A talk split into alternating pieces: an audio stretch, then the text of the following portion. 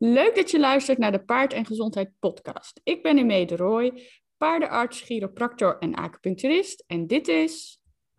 Ik ben Iris van Gulek en ik ben ook paardendierenarts.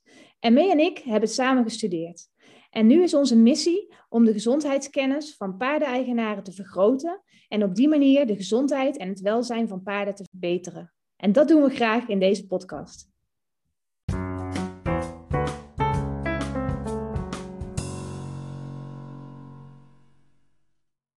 Je hoort het eigenlijk bijna elk jaar wel een keer ergens vandaan komen. Maar ik had een paar jaar geleden ook een, uh, een casus.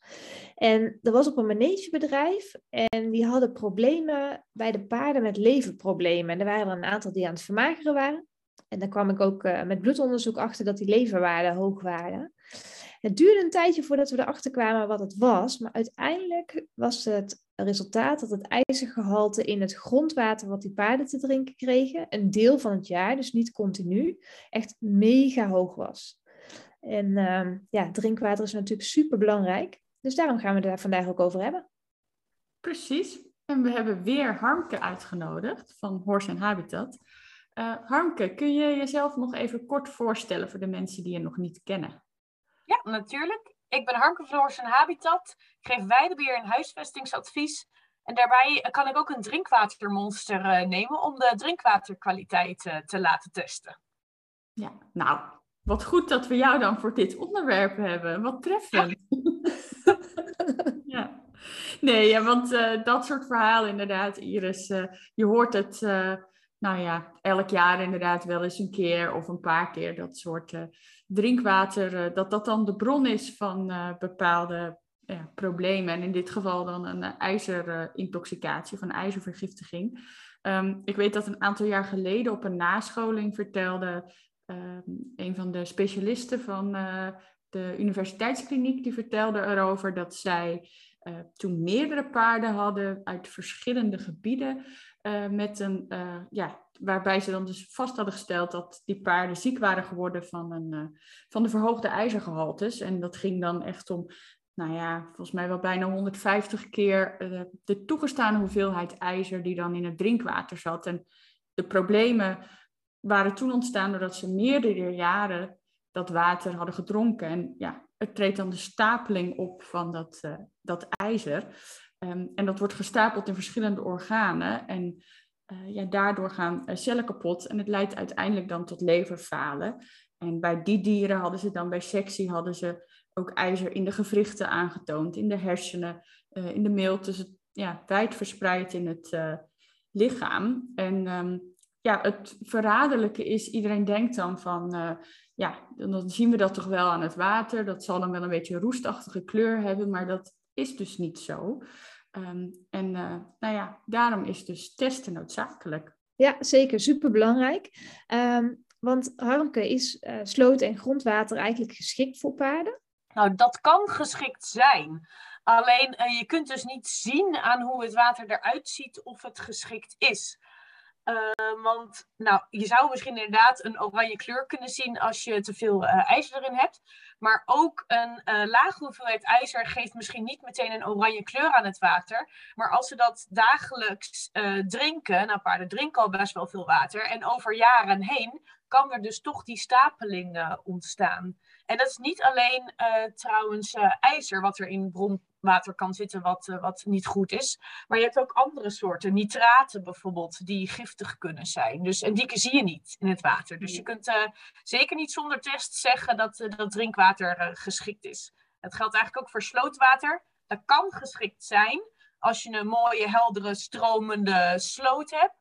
Maar je je hoort ook wel berichten over natuurlijk blauwalg uh, in, uh, in uh, periodes van het jaar of andere bacteriologische um, spullen in het water die je er gewoon niet in wil hebben. Dus, en ook dat kun je laten testen. Ja, botulisme hoor je ook nog wel eens, hè? Pa uh, paarden die uh, stilstaand slootwater uh, drinken, waar dan dode vissen boven komen drijven. En dan nou, een paar meter verderop drinken de paarden dat water. Dan kan dat natuurlijk ook voor problemen zorgen. Dus dat hoor je inderdaad ook nog, ook nog wel eens. Ja.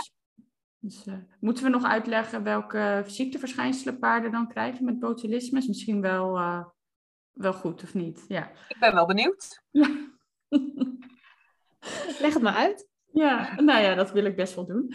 Um, nou ja, botulisme dat zorgt eigenlijk voor een uh, verstoring van de prikkelgeleiding van de zenuwen naar de uh, spieren. En nou ja, daar kun je dan dus uit concluderen wat de verschijnselen kunnen zijn.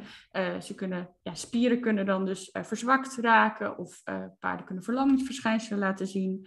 spiertrillingen, ongecontroleerde bewegingen, moeite met slikken.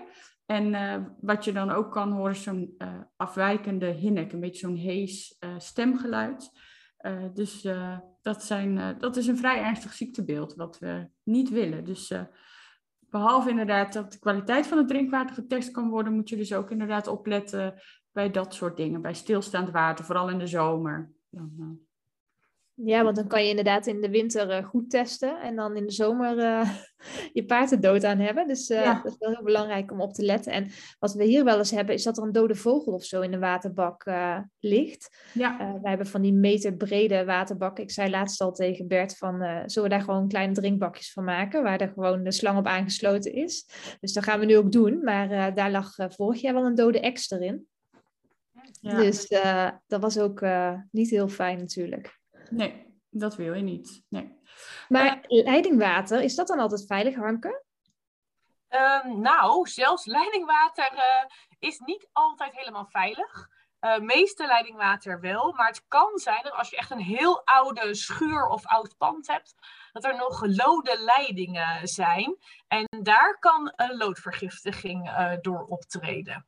Dus vooral inderdaad bij oude gebouwen, oude schuren. Ja, opletten. Ja. ja inderdaad, ja. En uh, nou, hoe kun je dan de kwaliteit van het water testen? Uh, want er zijn ook wel, er, er, kwam een vraag van iemand, voldoen dan uh, van die strips die er zijn, die je zo zelf kunt gebruiken? Hoe gaat dat in zijn werk? Nou, ik denk dat zo'n strip die je kunt kopen bij de welkoop bijvoorbeeld, volgens mij, geeft dan wel een indicatie. Maar dat is niet een hele precieze manier van meting. Um, en die doet ook maar een beperkt aantal uh, dingen waar die op test. Dus als je, dus je, als je ja, je paard water gaat geven, dan zou ik zeker uh, een keer gewoon een uitgebreide test laten doen. Dan weet je het meteen zeker. En eigenlijk is het heel makkelijk, want je pakt gewoon een hoeveelheid water. En je moet wel eerst de kraan een paar minuten laten stromen. Dat je zeker weet dat je geen achtergebleven vuiligheid uh, uit het begin van de kraan bijvoorbeeld hebt. En dan uh, neem ik een monster. En uh, belangrijkste eraan is, en dat is eigenlijk waarom je het niet zomaar zelf kunt doen, is dat het monster binnen 12 uur gekoeld op het lab aanwezig moet zijn. Dat betekent dus dat je het niet zomaar kan meesturen um, met de post, want dan is hij te laat en dan wordt hij niet gekoeld. Uh, dus je dierenarts kan het voor jou doen, die kan het opsturen. Dus jullie zouden dat kunnen doen, want het kan met een uh, dan mee. Uh, of ik kan het doen. En dat is vooral omdat ik 10 minuten van het lab af woon. Dus ik kan het dan gewoon wegbrengen zodra ik het monster heb getapt. Ja, ik denk dat we sowieso in deze podcast iedereen moeten aanraden. Als je sloot of grondwater geeft aan je paard, dat je het gewoon moet testen. En dat je het ja. ook regelmatig moet testen. Hou jij daar een bepaald, ja, bepaalde termijn op? Dat je zegt van je moet elk jaar of twee keer per jaar? Of wat is jouw advies, Harmke? Nou, dat is goed dat je dat uh, zegt, want het verschilt een beetje per soort. Want als je bronwater hebt, dan als je het eenmaal hebt getest, kun je er wel van uitgaan dat het een aantal jaar uh, stabiel zal blijven. Uh, maar als je slootwater hebt, dan zou ik eigenlijk aan het begin van elk weideseizoen in ieder geval even een bacteriologische test laten doen. Dat je weet dat het water dat ze op dat moment drinken gewoon goed is. Um, en voor oppervlaktewater, zeg maar een pool of zo, geldt dat ook. En voor leidingwater, daar kun je denk ik ook wel één keer laten doen. En dan weet je voor een redelijk lange periode wel of dat geschikt is of niet. En er was ook nog een vraag over um, water uit een uh, grondwaterput met veel ijzer. In verband ja. met ijzerrijke grond. En soms heeft het water roeskleur of dat schadelijk is. Nou ja, daar kunnen we natuurlijk, zijn we eigenlijk al mee begonnen, hè? maar wil je daar antwoord ja. op geven? Nou, als zodra het eigenlijk die, die oranje roestkleurige kleur krijgt, zodra het in contact komt met zuurstof, dan weet je eigenlijk zeker dat er veel te veel ijzer uh, in zit. Dus dan uh, hoef je dat niet eens meer te testen. Nee. Uh, maar je kunt wel ontijzeringsmachines aansluiten op een bron. Uh, maar dat betekent niet dat daarmee meteen alle problemen opgelost zijn. Want het kan dus zijn dat er ook nog andere verontreiniging in zit. Zoals dus nitraten of mangaan. Of die je niet uh, met zo'n ontijzeringsmachine eruit haalt. Dus ik zou toch voor de zekerheid uh, als je iets wil gaan doen met ontijzering, alsnog de kwaliteit laten testen om te kijken of de andere parameters ook oké zijn. Ja. En um, zie jij in de monsters die jij neemt en de uitslagen die je daarvan terugkrijgt, um, zie je dan dat het in bepaalde gebieden dat er dan uh, een hoger ijzergehalte is, of kun je dat niet echt zeggen? Dat was ook een vraag die iemand had. Ja, nou, er zijn wel bepaalde gebieden waarin het ijzergehalte groter is, maar dat heeft denk ik ook meer te maken met de grondlaag waarin de bron geslagen is. Want uh, wij hebben toevallig hier op het melkveebedrijf twee bronnen. De ene is uh, knaloranje en de ander eigenlijk helemaal niet, maar die zitten allebei op een andere diepte. Dus daar heeft het denk ik meer mee te maken dan, uh, dan, een, dan een bepaald gebied. Ja, en dan wil ook iemand weten van hoe je, hoe je dus weet hoeveel ijzerwater bevat, of je het zelf op kleur kan beoordelen. Um, en hoe weet je dan of je paard een overschot heeft? Ja, maar dat is dus um, het is wel eigenlijk wel mooi van de test die ik dan laat doen. Dat is echt een drinkwaterkwaliteittest. Uh, dus dan krijg je ook een uitslag terug met daarin of het um, uh, niet geschikt is, minder geschikt is of wel geschikt is voor een dier om te drinken dagelijks. Want je zou kunnen zeggen, stel nou dat je een bron hebt en je geeft hem het hele jaar door leidingwater, maar in die twee weken in het jaar dat het knijterhard vriest en je leiding bevroren is, geef je een bronwater, dan is dat natuurlijk al een minder groot risico. Dan zou je met een klein beetje ijzer in het water dat best wel kunnen doen. Uh, maar als hij het elke dag te drinken krijgt, wil je dat niet. Dus er zit nog wel een beetje verschil in hoe je het gebruikt. Ja. ja, heel belangrijk om te noemen inderdaad. En um, hoe je het aan je paard kan zien. Nou, het nadeel is natuurlijk dat je vaak niks aan je paard uh, ziet. Mm. Uh, pas op het moment dat hij echt klachten gaat laten zien. En dat is meestal pas na enkele jaren. Um, en dat is natuurlijk altijd heel gevaarlijk. Dus um, ik zou gewoon zorgen dat je zeker weet dat het water erin komt. Niet te hoog in ijzer zit. En niet wachten tot je aan je paard ziet of het misgaat. Ja, ja en dan zijn het vaak ook vage verschijnselen. Ze doen het niet lekker. En, ja. Ze blijven schraal. Precies, ja. ja. ja. En dan uh, bij bloedonderzoek, uh, ja, dan zie je wel afwijkende leverwaarden. En ja. nou ja, dan kan de diagnose natuurlijk bevestigd worden door middel van een echo en eventueel een leverbiopt. Uh, maar um, ja, we willen het inderdaad voorkomen. Dus testen. En mocht je nu dus denken van, oh jee, ik ga nu testen, want ik twijfel. En dan um, ja, dat je dan dus daarna misschien een uitslag krijgt waar je niet heel gelukkig van wordt. Uh, dan, nou ja, kunnen ze jou bellen, hè, Iris? nee, maar dan moeten ze hun dierenarts bellen en uh, bloedonderzoek laten doen en eventueel aanvullend onderzoek door een, uh, door een specialist. Ja, dat is verstandig inderdaad. Ja. Um, Harmke, je had het net al over zo'n machine om ijzer uit je water te halen. Er vroeg ook iemand of er ook waterplanten zijn die ehm, uh, bepaalde gehaltes of bijvoorbeeld ijzer kunnen verminderen in het water? Ja, nou, waterplanten doen dat niet echt. Maar die kunnen wel uh, ervoor zorgen dat als je bijvoorbeeld een pool hebt, dat er niet zoveel bacteriologische vervuilingen in je water uh, komt. Dus niet zoveel algengroei en slijm en dat soort spul. Dus ze houden wel het water fris. Dus waterplanten hebben wel echt een goed effect voor een voor een pool. Maar ze zullen er niet voor zorgen dat bronwater ineens uh, minder ijzer bevat. Nee, nou duidelijk. Dus uh, ja. Um, volgens mij hebben we nu een beetje de ijzervragen die mensen hadden wel een beetje getackeld.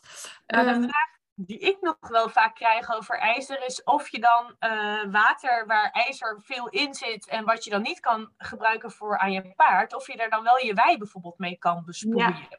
Precies, inderdaad. Dat was ook, ook een vraag die binnenkwam. Van hoe moet je dat dan doen? Hoe gaat dat dan met het ja. beregenen? Ja, dat kun je ons ook vast vertellen. Ja, nou, ik zou het uh, meestal niet aanraden. Dat is alleen al omdat je beregeningsinstallatie het heel erg zwaar krijgt van veel ijzer. Dan gaan echt die nippels uh, gaan helemaal dicht zitten met dat ijzer. Dus Uh, meestal gaat je, gaat je installatie eigenlijk wel kapot. Je krijgt ook helemaal een oranje weiland. En daarna gaat het ijzer natuurlijk de grond in. Waarschijnlijk zit er al wel veel ijzer in de grond, want anders zou dat niet zo veel aanwezig zijn in het water. Maar het zorgt er wel voor dat de opname van koper en zink in het gras wordt verminderd. Dus het ijzer komt niet direct in het gras terecht, maar het kan er wel voor zorgen dat andere mineralen slechter worden opgenomen. Oké, ja. Dus ook dat moeten mensen dan dus niet doen. Dat zou niet mijn voorkeur hebben, ja. Nee, nee, precies. Ehm, en als we het dan nu over de wei hebben, en trouwens ook de stal, uh, daar kwam een vraag over van hoe vaak moet je nou eigenlijk de waterbak uh, schoonmaken op de wei? Ja, ligt er natuurlijk een beetje aan wat voor een soort uh, waterbak. Als je een open waterbak hebt, dan zou ik hem toch eigenlijk wel wekelijks willen schoonmaken. En vooral als er veel aanslag in komt. En ja, je ziet toch vaak als die ook een beetje dicht staat bij waar ze ook eten, dat ze toch wel veel etensresten erin ook uh, gaan doen. En dan is het wel echt nodig om hem regelmatig schoon te maken. Maar moet ik zeggen, wij hebben zelf zo'n um, dichter waterbak, um, zo'n antivriesbak is dat, met zo'n bal die ze moeten induwen in zo'n gat. Uh, en die staat bij ons onder een boom. En dat is dus eigenlijk heel handig, want nu valt er geen blad en takken en zo in die waterbak. Dus die maken we ja, zeker één keer per maand schoon, maar hij is bijna nooit vies van binnen. Dus, uh... Oh, dat is ook wel handig dan inderdaad om, uh, om te weten dat dat ook een optie is. Ja. Ik ken ze niet eens. Ze zijn wel prijzig volgens mij, maar ze, zijn, ja, en ze moeten even wennen aan dat ze zo'n bal moeten indrukken. ja. maar, maar daarna gaat het eigenlijk heel makkelijk. Um, er had ook nog iemand een vraag over of zijn paard uh, regenwater uit een ton mag uh, drinken. Ik neem aan een regenton, maar misschien is het wel geen regenton. ja, als je regenwater opvangt, bijvoorbeeld van een dak, uh, dan zou je dat best kunnen geven. Alleen dan moet je het echt heel goed opslaan. Dus dan moet het in een afgesloten ton of vat. en het liefst zelfs een lichte, omdat hij niet warm mag worden, het water. Want hoe warmer het wordt, hoe meer bacteriën erin gaan groeien. Um, en hij moet dus eigenlijk in de schaduw staan om zoveel mogelijk koel te houden. En dan moet je best wel een grote doorloopsnelheid uh, hebben, dat het water snel ververst. Maar eigenlijk loop je dan al snel tegen het probleem aan, zoals nu, dat het heel droog is. En dat je geen regenwater uh, hebt en het niet zo lang kunt bewaren om het goed te houden. Dus het is misschien mooi uh, voor erbij, maar je moet altijd dan leidingwater eigenlijk erbij hebben, uh, omdat, omdat ze gewoon water nodig hebben. Ja, precies. Je moet eigenlijk gewoon altijd ook een andere waterbron, uh, ja. Waterbron hebben. En dan een vraag die je misschien wel helemaal niet kan beantwoorden, maar wel heel veel diereigenaren bezighoudt, omdat honden hebben vaak ook de neiging om uh, dit soort dingen te doen. En dan hebben ze een hele mooie waterbak binnen staan en dan gaan ze buiten ergens anders uitdrinken. En zo zijn er ook best wel wat paarden die dat doen. Die gaan dan, er was een eigenaar die zei van, waarom drinkt mijn paard eigenlijk liever uit de waterplassen op de paddock in plaats van de automatische waterbak? Heb je daar ja. een verklaring voor? hele mooie vraag die mij natuurlijk ook bezighoudt. um, en ik denk dat het enerzijds zit in het gedrag van een paard. Want een paard drinkt graag uit een uh, natuurlijke drinkomgeving. Dus uit laag en uit een soort van pool. Dat is hoe ze in het wild gewend zijn om te drinken. Dus ik denk dat daar een voorkeur in zit. Um, maar ik denk ook dat het misschien door, door, de, door de aarde waar het mee in contact is, dat het toch een bepaalde smaak heeft die ze aantrekkelijk vinden. Want ja, bij katten zie je het ook heel vaak natuurlijk. Dat ze uit een fase van planten drinken en zo in plaats van uit een uh, drinkbakje. Uh, maar het echte antwoord erop uh, heb ik niet.